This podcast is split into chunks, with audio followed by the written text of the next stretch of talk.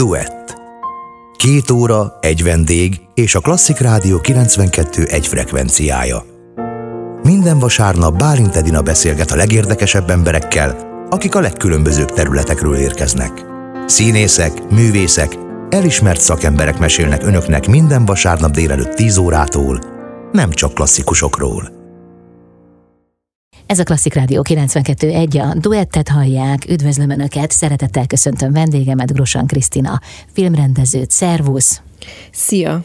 Nagy sikerrel debütált a 27. Szarajevói Filmfesztiválon az első nagy játékfilmed, amelynek az a címe, hogy a legjobb dolgokon bőgni kell. És ez az első mozifilm. Igen, így van. Szia!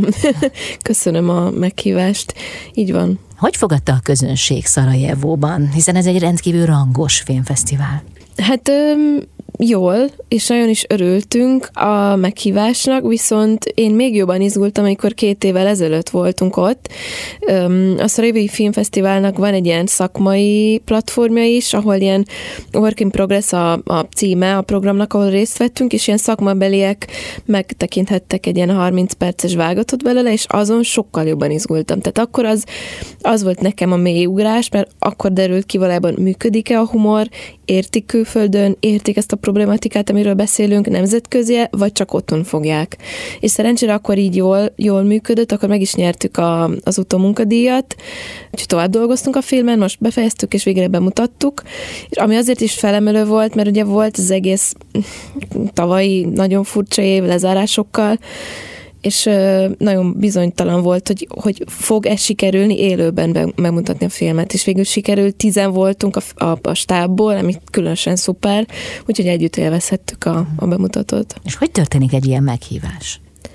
Hát együtt Stalter Judit producerrel, a Laokon Filmgruptól találtuk ki, hogy, hogy ezt a filmet körülbelül milyen utat szánunk neki, tehát milyen fesztiválok jöhetnek szóba, milyen fajta, azok a fesztiválok milyen fajta filmet szeretnek, és ezen belül milyen fajta filmfesztiválon debütálás segíthetne az otthoni bemutatáshoz. Tehát, hogy kommunikációban mi az, ami egymást segíti, és, és arra jutottunk, hogy valójában a Szarabi Filmfesztivál időben is nekünk nagyon szuper volt, mert mi össze szerettük volna bemutatni a filmet.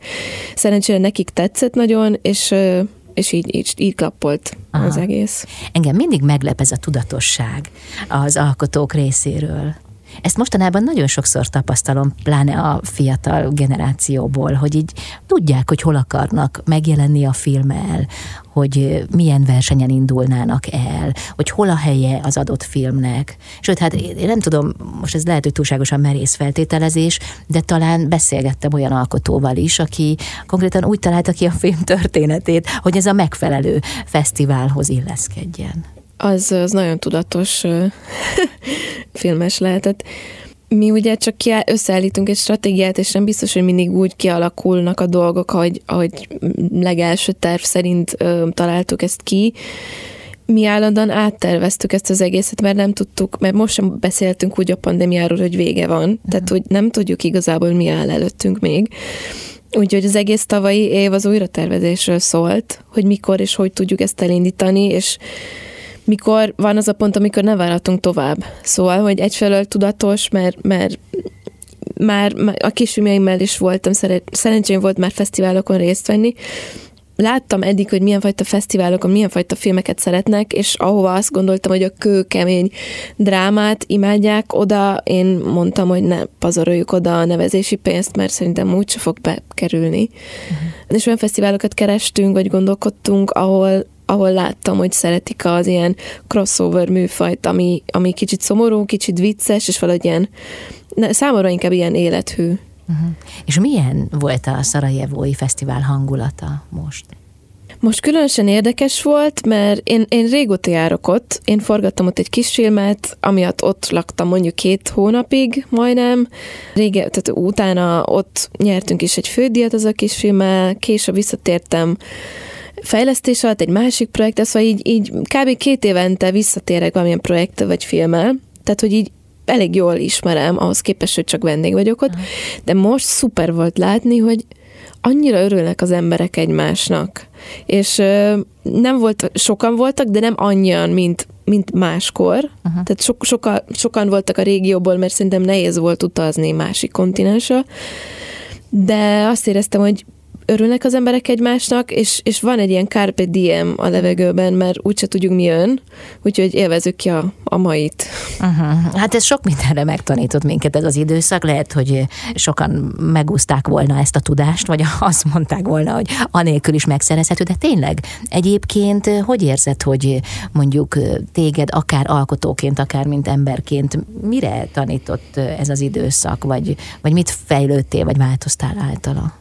Eddig is foglalkoztat nagyon így az idő múlása, és most, hogy, hogy kb. a 2020 olyan, mintha nem is volt részben, tehát annyira lelassított folyamatokat, én nekem szerencsém van, mert nem is voltam beteg, és, és, és nem szerencsére az én családomat közvetlenül nem érintette meg, meg ez a betegség egyelőre, de, de ez mindenkinek egy nagyon nehéz időszak volt, és, és sokkal inkább próbálom megbecsülni azt, amim van, és továbbra is azt foglalkoztat, hogy hogyan használom fel az időmet. Jó, hogy mondtad az időt, hiszen a filmed ugye valahol a kapunyítási pánikról szólt. Hát ott is bőven benne van ez, hogy mit kezdjünk az idővel, illetve mennyire nyomaszt minket az idő. Köszönöm szépen, jövünk vissza, folytatjuk a beszélgetést itt a duettben Grosán Krisztina filmrendezővel. Ez a Klasszik Rádió 92.1, a duettet hallják, Grosán Krisztina filmrendező a vendégem, akivel az első mozifilmjéről beszélgetünk, melynek az a címe, hogy a legjobb dolgokon bőgni kell. De tényleg? Én szerintem igen. De akkor a te életedben, vagy a te személyiségedben erőteljesen jelen van ez a kettősség, mert erre már többször is utaltál, hogy a sírás és a, és a nevetés az, az valahogy, valahogy nem tudom, egymásra rezonál. Szerintem váltják egymást, és ez így van rendben. De milyen gyorsan váltják egymást, ez a nem mindegy. Nagyon gyorsan, azt azért bírni kell. Azt, az, az talán nem mindig egészséges, de, de igen, amúgy az elmesélem, hogy miért ez a film címe. Ez nagyon érdekesen jött, mert a Rainer Micsinyei Nóra, egy színésznő, és dolgoztam vele többször, rendezőként rendeztem őt két kisfilmemben, és neki volt az ötlet, hogy valamin gondolkodjunk együtt, valamit írjunk együtt, és elmeséltem én, mind gondolkodom, és, és egyébként elkezdtünk beszélgetni hosszasan erről a generációs kérdésekről, amik még foglalkoztatnak minket, és azért elmeséltem neki, hogy egy kisfilmemre nagyon jó reakciót kaptam, egy ismerősömtől annyira nyitott és szeretetteljes volt, és olyan sok jót adott, hogy hát így el csak elbögtem magam, és annyira meglepett, hogy egy ilyen szuper dologtól elbőgi magát az ember, és akkor a, erre a Nóra reagált, hogy hát igen, a legjobb dolgokon bőgni kell. Én meg azt mondtam, hogy jó, akkor legyen ez a film címünk. Milyen érdekes, spontán eseményből jött mindez létre. De amikor azt mondtad, hogy együtt van jelen a, a vidámság és a szomorúság, akkor én egy ilyen nagy amplitúdóval megélt érzelmi hullámzásra gondoltam. De ez annál jóval finomabb és érzékenyebb amit te most elmondtál. Persze, igen. Igen. Aha. A filmed a 30-asok életéről szól, akik megpróbálnak megfelelni a saját és a környezetük elvárásainak. A saját életed ihlette ezt a történetet? Hát igen, persze a saját életem, Nóra is hasonlóan gondolkodik erről, meg körülöttünk azt láttuk, hogy hogy sokan vagyunk azzal úgy, hogy azt, érzünk, azt érezzük, hogy valahol kéne tartanunk, a szülők is ugyanezt mutatják felénk, vannak elvárások, de közben van egy nagyon nagy szabadság, amivel néha tudunk valamit kezdeni, néha nem. És, és van egy ilyen tök nagy ellenmondás, hogy most mi, mi felé kéne indulni. De hogy, hogy, hogy nem csak ez a tétovázás megy, hanem, hanem közben vicces, meg abszurd is, és ezt, ezt az egész ilyen bonyolult folyamatot szerettük volna megmutatni. Hát mint egyébként maga az élet, nem? Az is úgy minden egyszerre. Igen. De az, hogy az embert agyonnyomják az elvárások ebben a korban, az mennyire tekinthető általánosnak az útkeresés maga?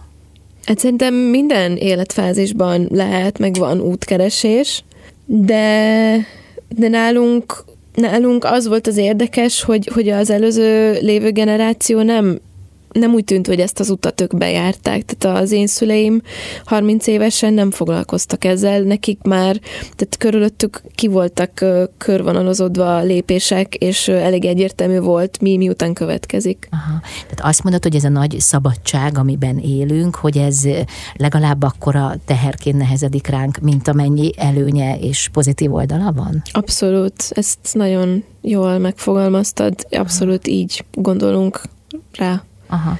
De én valamiért mégsem érzem azt, hogy te például örülnél egy előre kitaposott útnak. Hát nagyon nehéz most ilyen aggyal, ebben a körülményben azt mondanám, hogy örülnék, ha meg lenne mondva, mit kell csinálnom, hiszen látom a többi opciót, de ugye szüleim egy teljesen másik korban nőttek fel. És ez generációs konfliktusokat is okozott? Kettőtök között? Vagy úgy érzed, hogy ez jelen van általában? Abszolút. Édesapám egy nagyon aranyos támogató mérnök, aki eljött Szarajóban Aradról, mert erdei vagyok.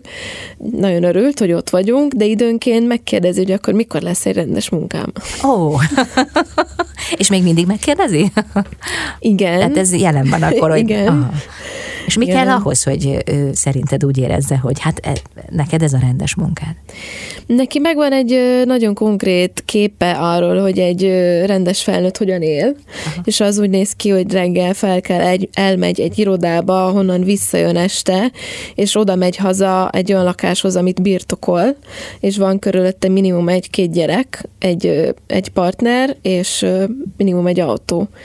Én én, én csomó mindennel ezzel nem, nem, nem értek egyet, de, de értem, hogy ő miért látja ezt biztosnak. És miért valójában abból adódik a konfliktus, hogy, hogy a szüleink generációja félt minket. Uh-huh. Mi lesz velünk? Hát meg talán a biztonságról is szól mindez, hogy, hogy édesapád, valószínűleg ezt, meg az ő generációk ezt érzi biztonságosnak. Csak az a kérdés, hogy van-e biztonság? Mert ha valamit megtanított a 2020-as év, az nagyjából ez, hogy hát nem nagyon van. Szerintem nincs, de az illúzió is egy kényelmes dolog tud lenni. Aha, aha. Megnyugtató. Aha. De te nem szereted az illúziókat.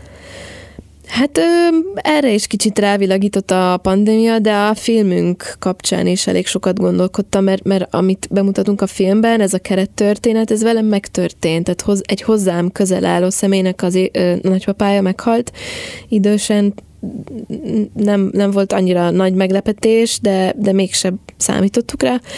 Nagyon sokáig össze voltunk zárva egy lakásban vele, mert vártuk, hogy eljöjjenek érte, és, és így hullámzott az a furcsa érzés, hogy mi történt, de közben, közben ott, ott várakoztunk, melankoliával találkozott ilyen furcsa érzéssel, hogy végül is telik az idő, mi hogyan használjuk azt fel, tehát én most jól értettem, amit mondtál, hogy ott volt egy nagypapa, aki elhunyt? Igen, igen. És hosszú ideig ott volt a lakásban? Hát egy, egy délután, este hatkor vagy hétkor értesítettük a hatóságokat, és éjjel kettő, vagy után, vagy háromkor vették fel. Tehát Aha. ugye ez történt, ez a keret történet a filmben, de ez vígjáték dráma, tehát hogy nem, nem egy kőkemény ö, drámáról van szó, de hogy, hogy ezt, ez adta a keretet, és a halál való találkozás indítja be ezt a katarzist a főszereplőben. Uh-huh. De ez egyébként is egy gyönyörű szimbólum, mert az egyik embernél megáll az idő, hiszen meghalt, a másik pedig, ha jól értettem, akkor egy fiatal lány, akinek pedig élnie kéne az életét. Igen, odáig is élt, csak mások szobájai szerint. Uh-huh és az, az egész film, meg az egész éjszaka, amit így átölel ez a sztori, valójában arról szól, hogy találkozik, vagy érintkezik valamilyen módon ezzel az elmúlással, elgondolkodik rajta, és valamilyen módon dönt. Na hát most mindent nem tudsz elmondani, meg ne is tedd, mert azért filmben meg kell nézni.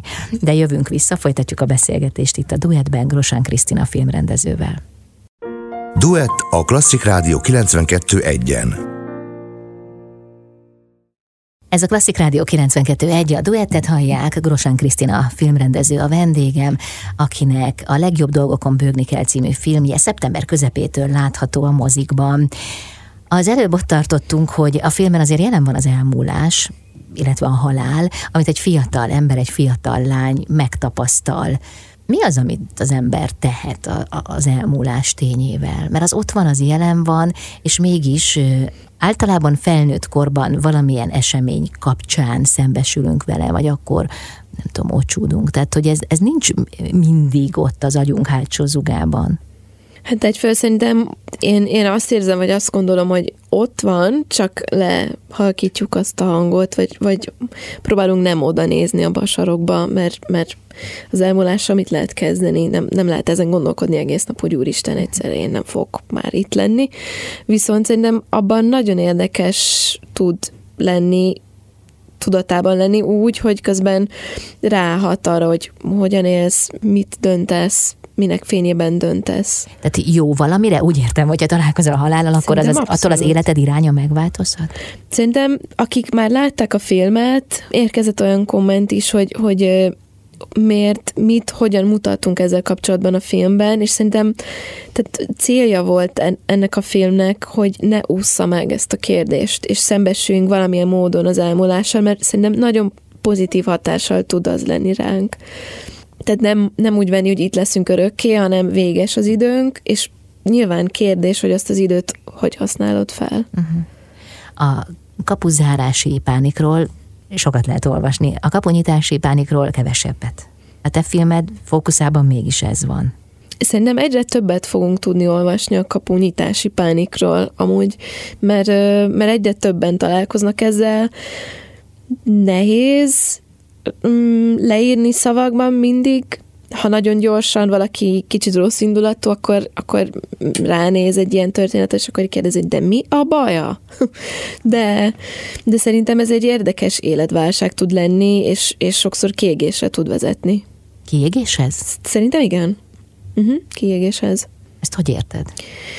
Hát ebben a nagyon erős megfelelési kényszerben, ahol sose elég, amit teszel. Uh-huh egy olyan, olyan szemléletből. Egy kiüresedéshez? Igen. Aha. A film történetét azt hogyan eh, állítottad össze? Ki írta? Én írtam Rainer Micsinei Nórával, aki, aki amit színésznő, viszont ő keresett meg, hogy gondolkodjunk együtt valamin, én neki elmeséltem, hogy mind gondolkodom.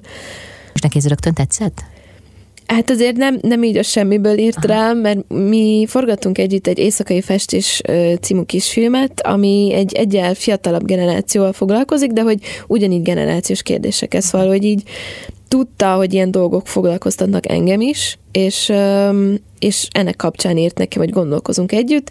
Nekem már, én már gondolkodtam ezen, és a keret történeten, tehát hogy valaki meghal, ott vagyunk vele, telnek az órák, és valami van, tehát hogy neki ezt elmeséltem, hogy ez egy érdekes keret lehet, amibe el tudjuk helyezni ezt az életérzést a mi generációkkal kapcsolatban. Tehát neki ez tetszett, de akkor Aha. még így nagyon nagy vonalakban volt meg. Aha. De végül is ti ketten írtátok a filmet. Ketten írtuk, abszolút, igen. Aha. De amikor korábban együtt dolgoztatok, és egy korábbi generációról szólt a film, akkor közben ti is fiatalabbak voltatok, igen. nagyjából egy generációval. Igen, Aha. igen, igen. Hát körülbelül öt év telt el a kisfilm és a nagyfilm között. Aha. De több rövid filmet is rendeztél az elmúlt években. Igen. Ez az első mozifilmed. Igen. Azon kívül, hogy hosszabb. Milyen változást igényel tőled, vagy milyen feltételt, milyen kihívás elé állít egy hosszabb film? Hát vannak a nyilvánvaló dolgok, hogy sokkal hosszabb idő telik el a, az előkészítéssel, a, a film megírásával, a forgatással, az utómunkával. Viszont bizonyos szempontokból egy, egy kis film ugyanannyira bonyolult, vagy egyel bonyolultabb, mert sokkal kevesebb időd van elmondani valamit, amivel a néző, tehát ott azt szeretném, hogy a, né, a néző, aki ezt, ezt így a vászon elé ül, hogy, hogy úgy távozik, hogy marad van valami benne. De Aha. erre viszont 15 perced van. Tessék. Aha. Tehát sokkal koncentráltabban kell egy rövid filmben megmutatni azt, amit szeretnél. Abszolút, viszont nagyon sokszor az apparátus ugyanaz. Tehát kisfilmben ha sikerül olyan finanszírozást összerakni a producernek, akkor ugyanott van egy, egy, egy stáb, aki azon dolgozik, hogy ez jó legyen, és minden részleg közre működik, tehát hogy pont azon viccelődtünk, hogy egy kis erőfeszítése egy kis filmből, ha ott maradnak még pár napig, abból nagy film is lehet. Aha. Szóval, hogy bizonyos sztorik jobban megélnek egy, a rövid formátumban, az tény, de, de ne, nem volt semmi új a, az első nagyjáték film folyamatában ilyen szempontból. Aha, ha az előbb szóba hoztad a, a támogatást, akkor hát fontos elmondani, hogy ez az inkubátor programban valósult meg. Abszolút. Én nagyon hálás vagyok, hogy ez a program létezik, mert amúgy első filmesként nagyon nehéz támogatást szerezni filmhez. Uh-huh. És, és nagyon remélem, hogy sokáig fog ez a program élni, mert, mert nagyon drukkolok körülöttem lévő filmeseknek, akik most kapták meg a finanszírozást, vagy már leforgatták, és utómunka alatt van a, a filmjük. Nagyon kíváncsi vagyok, mi rukkolnak elő. Uh-huh. Tartjátok a kapcsolatot, vagy elég megfelelő rálátásod van a fiatal filmrendező generációra? Ö, szerintem nem eleget. Uh-huh. Így tudunk egymásról, de de kicsit azt hiszem, hogy mindenki annyira el van foglalva a saját kis, kis munkájával, hogy néha megfeledkezünk kérdezni a másikról. Én, én több, több kommunikációt igényelnék. Köszönöm szépen, jövünk vissza. Folytatjuk a beszélgetést itt a duettben Grosán Krisztina filmrendezővel. Ez a Klasszik Rádió 92.1, a duettet hallják, Grosán Krisztina filmrendező a vendégem. Te mikor döntötted el, hogy filmrendező leszel? Hát én egy kisvárosból jövök, Aradról, Romániából, Erdély, ahol valójában tini koromban nem volt nagyon sok választás a, a szabad. Tehát vagy, vagy színázzal foglalkozott az ember, vagy sportolt.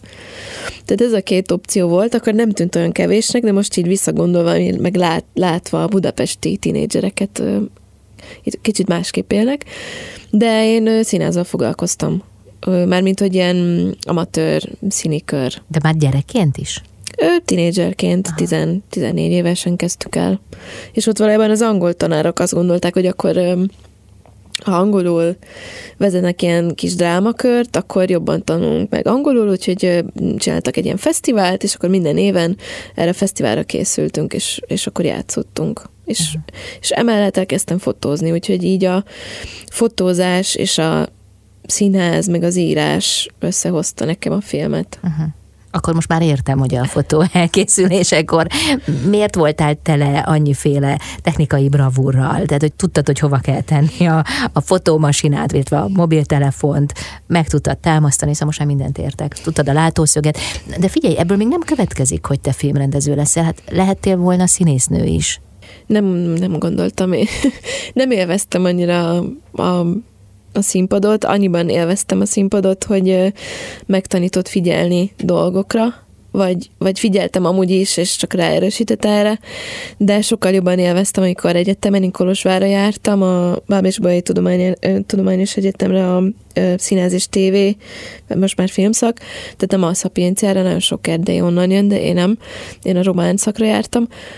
Ott valójában négy, hát négy évig tanultam forgatókönyvírást, meg, meg filmrendezéssel végeztem. Tehát négy évből kettőt azzal töltöttem.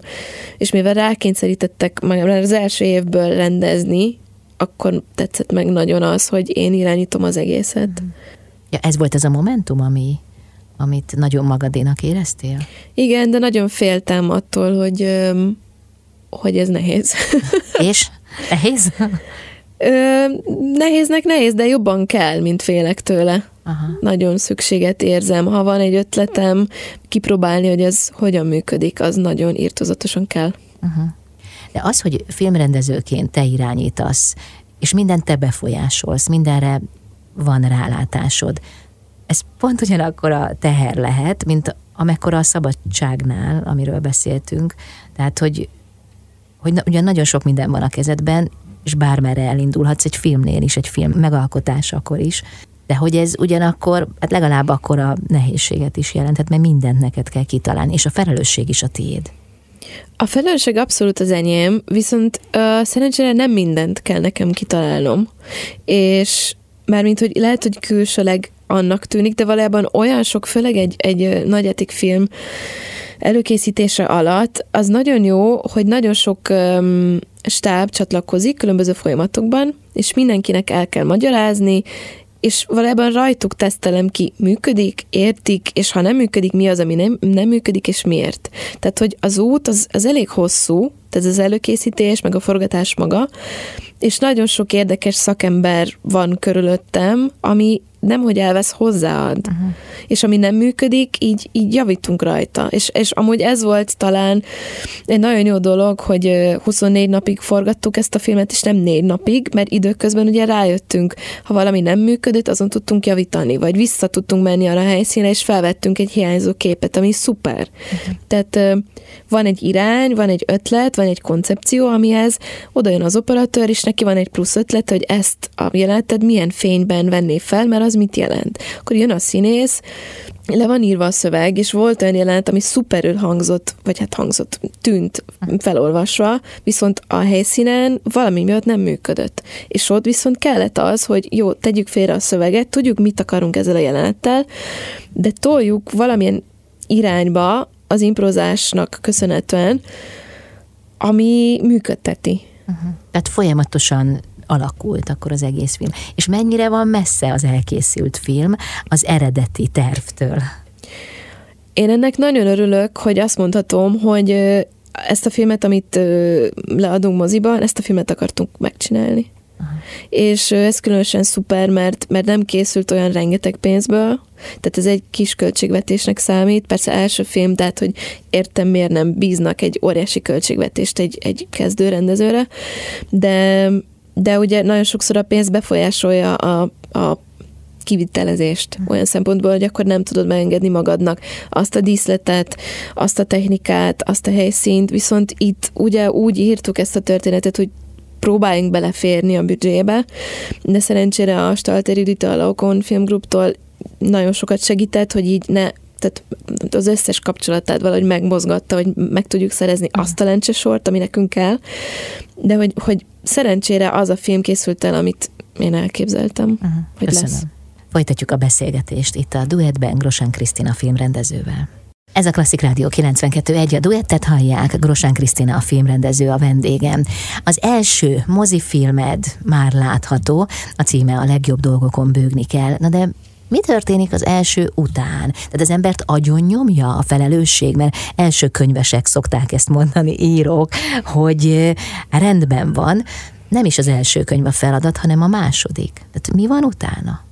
Hát én ezt már nagyon sokszor hallottam mm, rendezőktől, hogy valójában a második vagy a harmadik filmre nagyon nehéz pénzt szerezni. Ez az időnyomás ez engem foglalkoztat, szóval próbálok is érte tenni, olyan szempontból, hogy, hogy párhuzamosan fejlesztettem két projektet, majdnem párhuzamosan, tehát amikor a legjobb dolgokat épp előkészítettük, és, és készültünk arra, hogy, hogy tehát már megvolt a kezdési dátum, mikor kezdünk el forogni, akkor, akkor kaptuk meg a cseh filmalaptól a fejlesztési támogatást egy másik projektre, amit egy, egy cseh íróval fejlesztettünk. Tehát, hogy, hogy különböző szakaszokban, de valójában két projekt öm, volt a kezemben, amit fejlesztettem. Úgyhogy én gyakorlatilag akkor 2021 nyarán én már leforgattam az, a második nagy játékfilmemet. Ja, neked párhuzamosan megvan az első, meg a második. Hát nem, hát... Jó, csak nagyjából. Igen, igen, nagyon sok munka áll még előttünk a második nagy játékfilmmel, meg, meg teljesen másik felállás, de nagyon hasznos volt nekem az, hogy a legjobb dolgokon bőgni kell filmnek a tanulságait, fel tudtam használni, még frissen, mert valójában két év telt el a kettő között. Uh-huh. De ha siker, a legjobb dolgokon bőgni kell, akkor ugye ezt most még nem tudjuk. Vagy tudjuk már, hogy siker? Lesz, vagy nem? Én nem tudom, és sem, nem tudom, mikortól mi számít sikernek, Aha, mert mi, valójában mi nem, nem tudom, mert mindenkinek kicsit más. Engem nagyon érdekel, hogy a nézők mit fognak mondani, és öm, megtaláljuk-e azokat a nézőket, akiknek szól ez a film. Tehát elviszik egymásnak a hírét valójában a, a fesztivál szereplés az nagyon jó volt, és ez nagyon megkönnyebbülés, nagy megkönnyebbülés, hogy ez jól sikerült, és hogy sikerült egy fizikailag ott voltunk, és nem online történt, tehát akkor tényleg láttuk az emberek arcát, tapsoltak, beszéltünk utána, tehát ez a jelenlét nekem nagyon fontos volt, szóval... És ez is siker, hogy ott voltatok? Persze, persze, persze, és én, én ezzel megnyugodtam. Valószínűleg a producer mást válaszolna, ha itt lenne, a Judit valószínűleg számokat mondana, hogy, hogy ő mit vár el, milyen nézőszámot. persze gondolunk arra, hogy mégis pandémia zajlik valahol, és és az emberek nem, nem tudom mennyire bíznak abba, hogy együtt üljenek be egy ilyen kicsi terem, vagy nagy teremben, de sokan, maszk nélkül. Szóval így meg, meglátjuk. Uh-huh. De ha siker, és reméljük, hogy siker, akkor az téged mennyire nyom agyon? Tehát, hogy pont az elvárásokról készül ez a film, tehát hogy az milyen megfelelési kényszerrel jár együtt, hogy ha te már egyszer létrehoztál egy sikeres filmet, akkor neked most már azt kell csinálni. Akkor legyen siker a második is, a harmadik is. Ez lehet, hogy korai nekem megmondani, mert annyira folyamatában vagyok, és, és ugye most sokat beszélünk, vagy próbálunk beszélni a filmről, és, és terjeszteni, hogy, hogy, hogy vetítjük ezt a filmet, és hogy mi szerettük csinálni, és, és, és ajánljuk, hogy, hogy nem tudom megítélni kívülről, hogy mi, mi számít sikernek. Próbálok, próbálok talpon maradni, és hideg fejjel, ha lehet így mondani, van ilyen fogalom? Vagy csak én gondolom, van, van ilyen fogalom? Van. De ki is lehet találni szavakat. Én szoktam. hogy próbálok arra fókuszálni, hogy mi ez a film, mit, akarunk, mit akartunk vele elmondani, és mi az, ami a jövőben vagy hát most foglalkoztat, és nem, nem, nem annyira figyelni, hogy mi az a küzöb, ami után mondjuk azt, hogy valami sikeres, és az nyomasszon. Uh-huh. Nem, szerintem talán jobb nem is foglalkozni ezzel. Tényleg? Egyelőre én talán azt látom egészségesnek, hirtelen e- ez jutott eszembe, hogy talán jobb is ezt a sikerkérdést félretenni, és csak azzal foglalkozni, hogy mert én valójában, mint rendező, már megtettem a dolgomat. Én megcsináltam ezt a filmet, ott van a moziban, aki szeretne, vagy tud róla, menjen el megnézni, és, és nekem milyen szempontból csak az a dolgom figyelni, hogy ki mit reagál rá. Uh-huh. Köszönöm. Jövünk vissza Grosán Krisztina filmrendezővel itt a duettben. Duett a Klasszik Rádió 92.1-en. Ez a Klasszik Rádió 92.1, a duettet hallják, Grosán Krisztina a filmrendező a vendégem. A filmed jó részt arról szól, hogy hogyan töltjük ki az időnket, hogy mit kezdünk az idővel. Igen. a te életed például hogy telik? Tehát te mit kezdesz az idővel? Tehát próbálod besűríteni a, a tevékenységeket, vagy folyamatosan pörögsz, vagy tehát mit jelent az, hogy az ember mondjuk igyekszik hasznosan kihasználni az idejét? Egyáltalán Én... erről van szó? Egyfelől persze abszolút erről van szó, de egy generációs kérdésben elhelyezve, tehát a 30-as generáció mi nyomasztja őket, és hogy tehát hogy akarják élni az életüket, hogy akarják használni a megadott idejüket. Valójában ez érdekelt most, és, és hogy én hogy használom az időmet. Uh-huh, igen. Mm, például a filmvágójával, Meller Annával van egy érdekes szokásunk, amit most már így hat évet csinálunk, hogy december 31-én találkozunk, és ha nem vagyunk egy helyen, mert ő Londonban szokott dolgozni, meg élni, sőt, ott él már 14 éve, ha nem találkozunk élőben, akkor online találkozunk, és egy ilyen vicces képes lap hátulján, amit megveszünk egymásnak, akkor leírjuk, hogy a következő évben mivel szeretnénk tölteni az időnket és ugyanakkor elővesszük az előző évnek a kártyát, és megnézzük, hogy előző évben mivel szerettük volna tölteni az időnket, és ehhez képest mit sikerült. És ezt így összevetjük, hogy uh, hol tartunk. Ez terv? Ez valamiféle tervezést jelent? Hát ez egy ilyen irányadás, amit aztán nem nézünk meg, hanem így ösztönösen éljük az életünket, és az év végén megnézzük, hogy ösztönösen mi sikerült, és mi nem. Aha. Képzeld el, én nagyon szeretem Korfut, és Korfúnak a szimbóluma a hajó, ami irányítás nélkül megy. És voltak, akik azt mondták nekem, hogy ez érthetetlen, hogy ez, ez, ez nekem miért olyan szimpatikus, mert hogy az embernek kell kitűzött irány az életében. Én nem tudom, hogy, hogy mi a jó, vagy hogy hogyan lehet ebben a kérdésben dűlőre jutni. Tehát, hogy mindent úgy sem tudunk irányítani. Ez így van. Én is egyetértek, én valamiféle balansz felé hajlok, hogy valamit elengedni, valamit irányítani, legyenek célok, de aztán nem, nem, nem százszerzelékosan fogakkal szorítani, hogy akkor minden áron azt, azt így. Aha. Illetve felismerni azt, hogy mi az, amit tudok kontrollálni, és mi az, amit nem. Persze, abszolút. E-, ez a gondolat egyébként jelen van a filmedben? Amúgy Amúgy igen, olyan szempontból, hogy a megfelelési kényszernek a kezelését, eldönteni, hogy mi az, ami fontos, mi az, ami nem, mi az, ami megér annyi időt foglalkozni vele, és mi az, ami nem. Szóval ilyen szempontból uh-huh. talán igen. A film egyik főszereplője, Hernádi Judit, a másik Bányai Kelemen Barna. Igen mindkettő zseniális színész. Hogyan találtál rájuk? Tehát mi volt az, amitől úgy érezted, hogy az általad megformálni kívánt karakternek ők eleget tudnak tenni? De egyébként láthatók a Félelem megeszi a lelket című darabban is, közösen, amiről az előbb beszélgettünk, mi mindketten láttuk, és hát csoda, amit létrehoztak.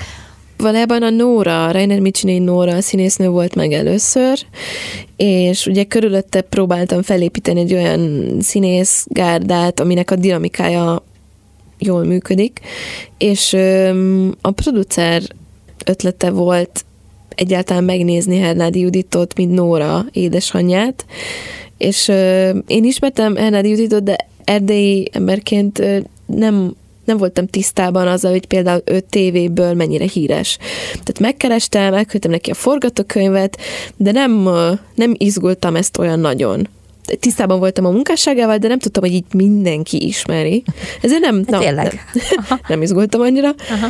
Azon izgultam, hogy vajon tetszik-e neki, meg érdekli, meg, meg igent mond el, Aha. mert nekem nagyon, ő egy nagyon karakteres színésznő, aki, akire azt gondolom, hogy szuperül fog tudni közreműködni Nórával, és hogy szükségem van egy ilyen, egy ilyen karakterre filmben. És szerencsére neki tetszett, és, és nem is kellett őt győzködni, hanem azon azt mondta, hogy csináljuk. És a próbák során derült ki, hogy, hogy valójában neki van egy lánya, aki körülbelül 30 valahány éves, ugyanúgy, mint mi, és ő nagyon ismeri ezt a problematikát szülő szempontjából. Aha.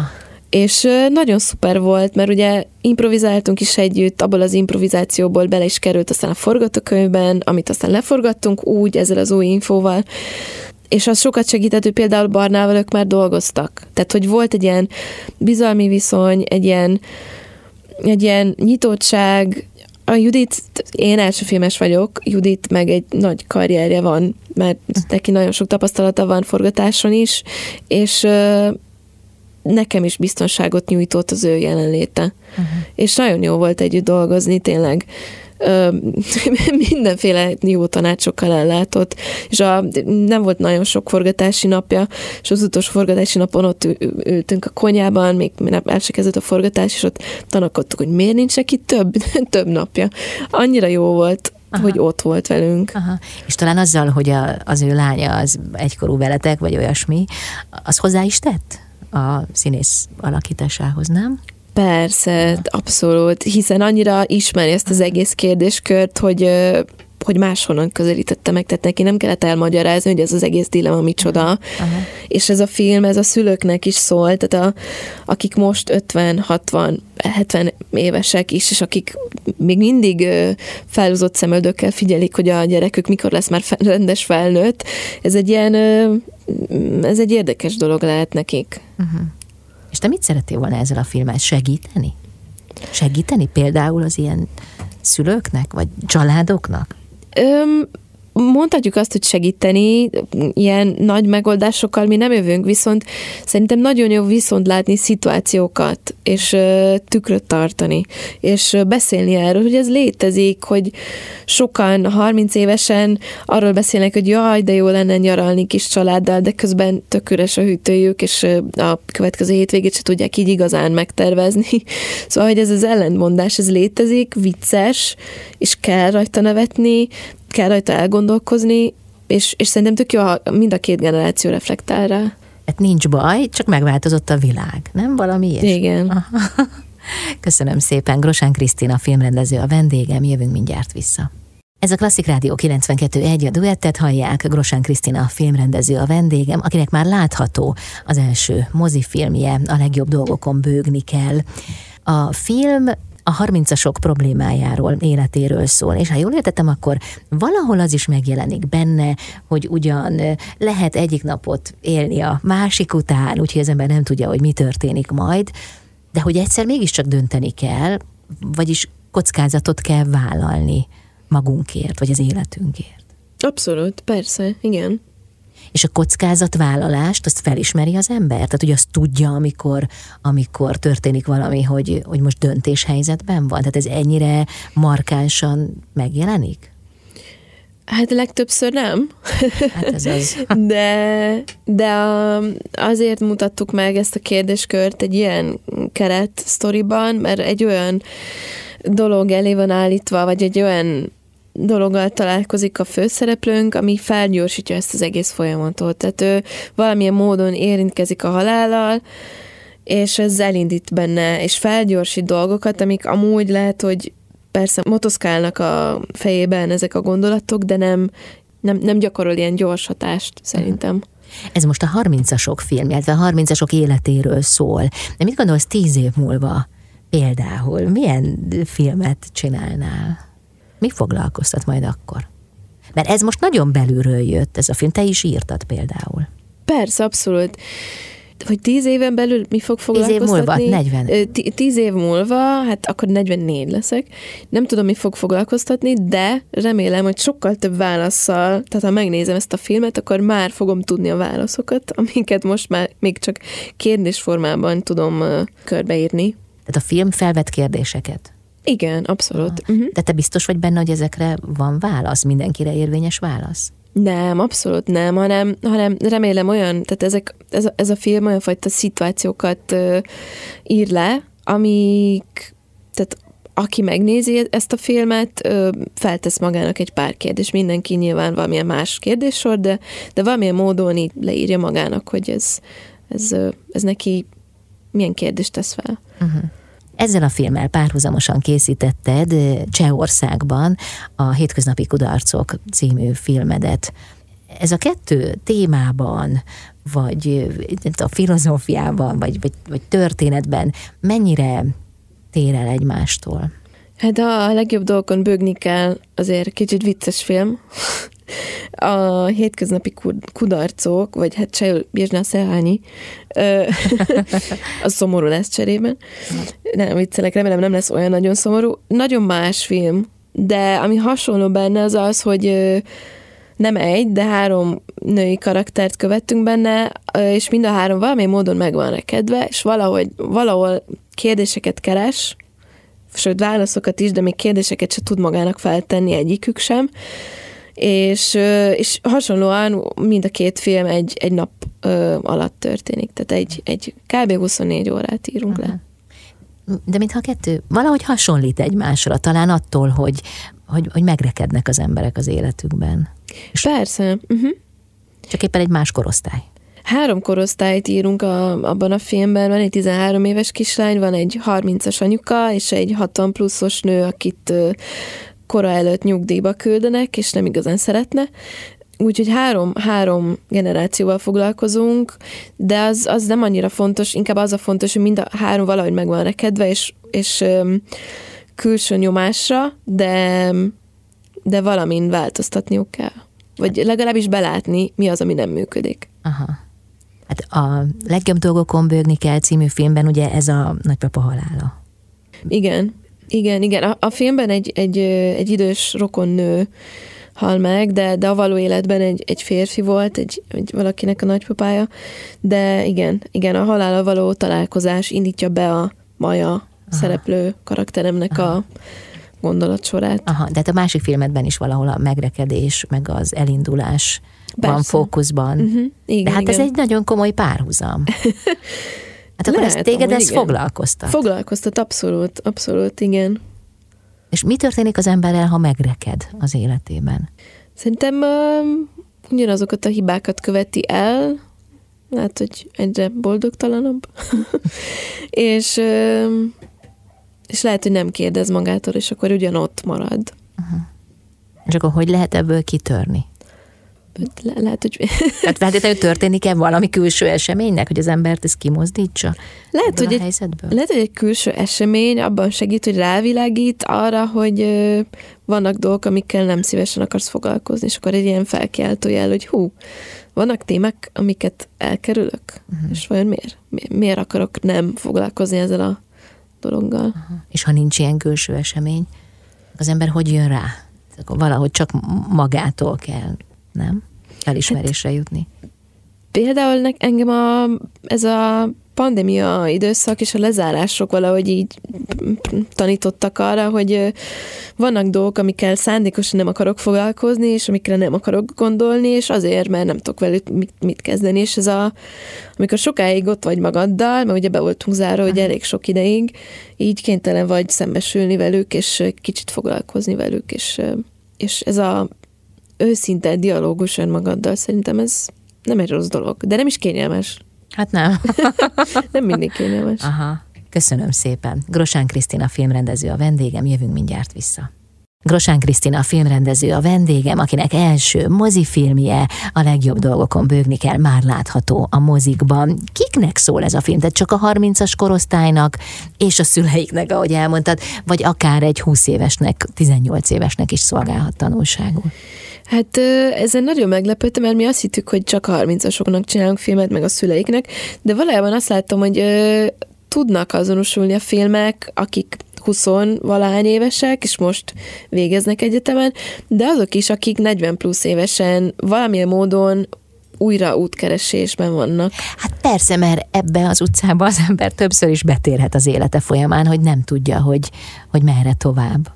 Persze, és, és de nem gondoltuk bele, hogy, hogy ez lehet, de, de nyilvánvaló most így utólag, és ennek nagyon örülök, hogy, hogy volt tesztvetítés például, és nagyon érdekes vitákba keveredtek 40 pluszosok, és 45 éves nők nagyon védték a filmet, és nagyon értették, és nagyon élvezték. Aha. És min volt vita?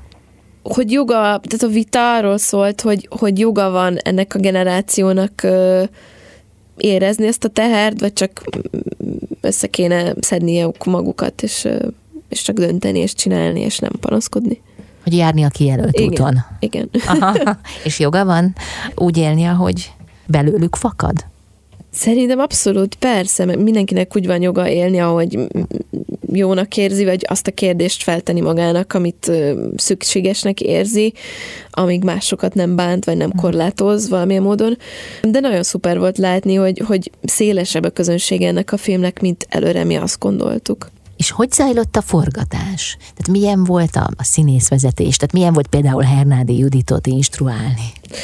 De amúgy az volt a szuper az inkubátor programban, hogy hogy például felkérhettem ilyen tapasztalt film szakembereket, hogy ilyen mentorként közleműködjenek, és például a Hajdú Szabolcsot kértem fel, meg Töröki és Orsolyát, hogy így hadd kérdezek néha tőlük, és, és pont a hajdúszabitól kérdeztem, hogy jó, jó, most én még nem forgatunk, de mit fogok csinálni, ha instruálnom kell Hernádi Judit, hogy úgy el kell mondanom neki, ez így nem volt jó, csináljuk, fedjük fel újra. Aha. Tehát, hogy ki vagyok én, első filmes rendező, ezt elmondani neki, nyilván a Hajdúszabi nem mondott ilyen recepteket, hogy most ezt is ezt kell csinálni, hanem elmondta, hogy vele, amikor ez volt, akkor hogy, hogy zajlott.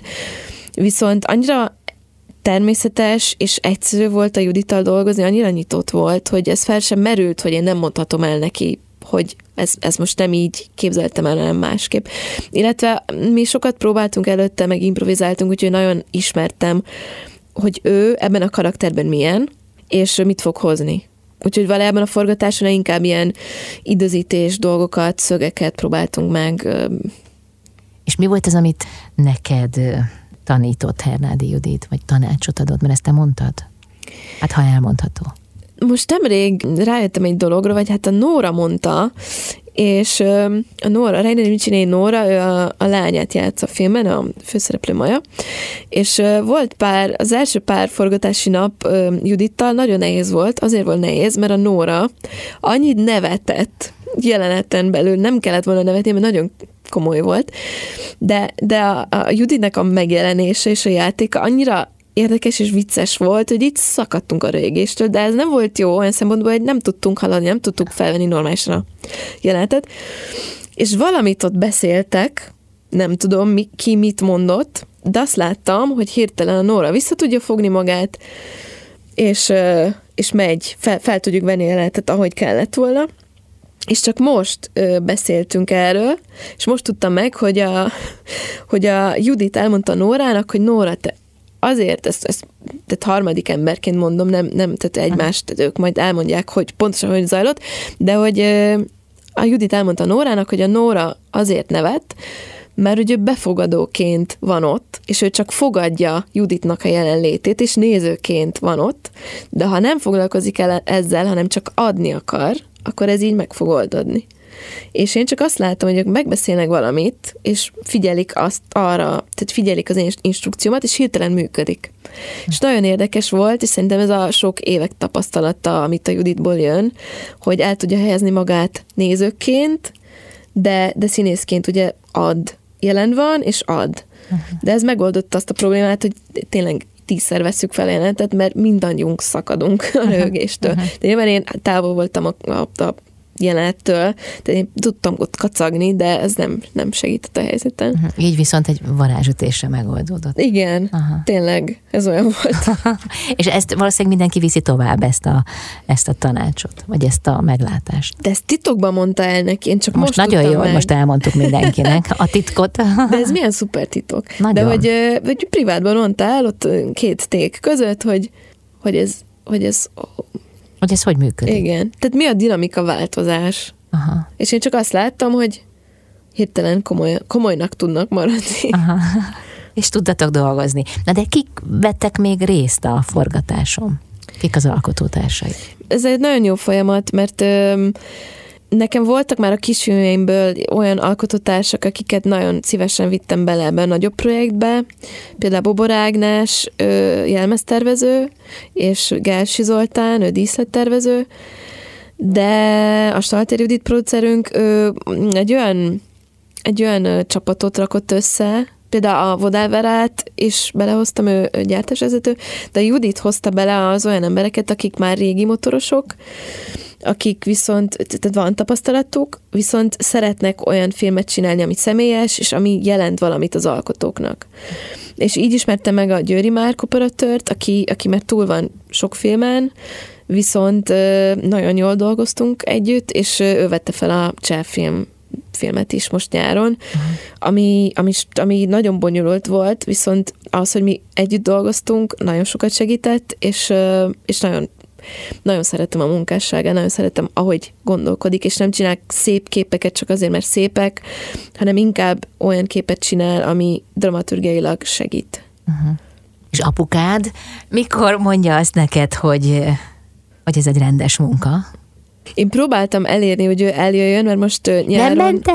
Nem, nem, hát ő Aradon van, és a filmet Prágában forgattuk, pedig nagyon ajánlottam neki, hogy szálljon fel a repülőre, de szerintem az sokat segített volna neki, ilyen laikusként, ha látja, hogy egy olyan szedben vagyok, ahol valami robban, sír egy gyerek, szül egy macska, van egy robotkutya, meg ott is száz statiszta, nyilván ez nem mind egyszerre történik, de hogy egy ilyen nagyobb apparátus van körülöttem, akkor jobban el tudja képzelni, hogy, hogy azért ez nem kicsi felelősség, és akkor ezt, ezt jobban lát, látja. Mert ő, ő ugye csak a végét látja, bekerül a moziba.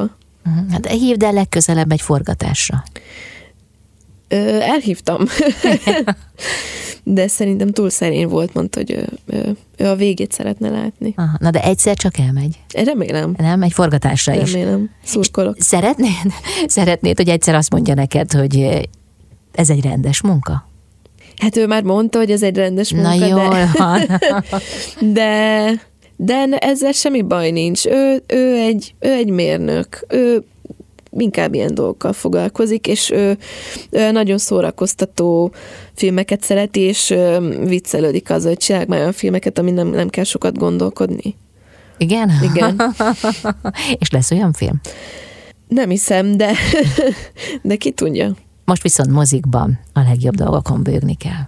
Így van, így van. Ez egy nagy mérföldkő nekünk, és nagyon örülök, hogy még mindig nyitva tartanak a mozik, és de nem, ugye a pandémia még nincs tehát nincs vége, nem tudjuk, hogy mi lesz, de remélem még nyitva tudnak tartani a mozik, mert ugye nekünk ez egy nagyon nagy dolog, és a nagy vászonra készítettük ezt a filmet. Nagyon remélem, hogy, hogy tovább tud élni majd a film, és valamilyen streaming oldalon fel fog kerülni VOD, nem tudom, ezt, ezt, ezt majd ki fog derülni, de ezt tényleg a nagy vászonnak csináltuk, és, és ott is a helye. Uh-huh. Sok nézőt kívánok nektek. Nagyon köszönjük. Köszönöm szépen, hogy itt voltál. Köszönöm. Grosán Krisztina filmrendező volt a vendégem. Én ezzel búcsúzom, Bálint Edinát hallották viszont hallásra.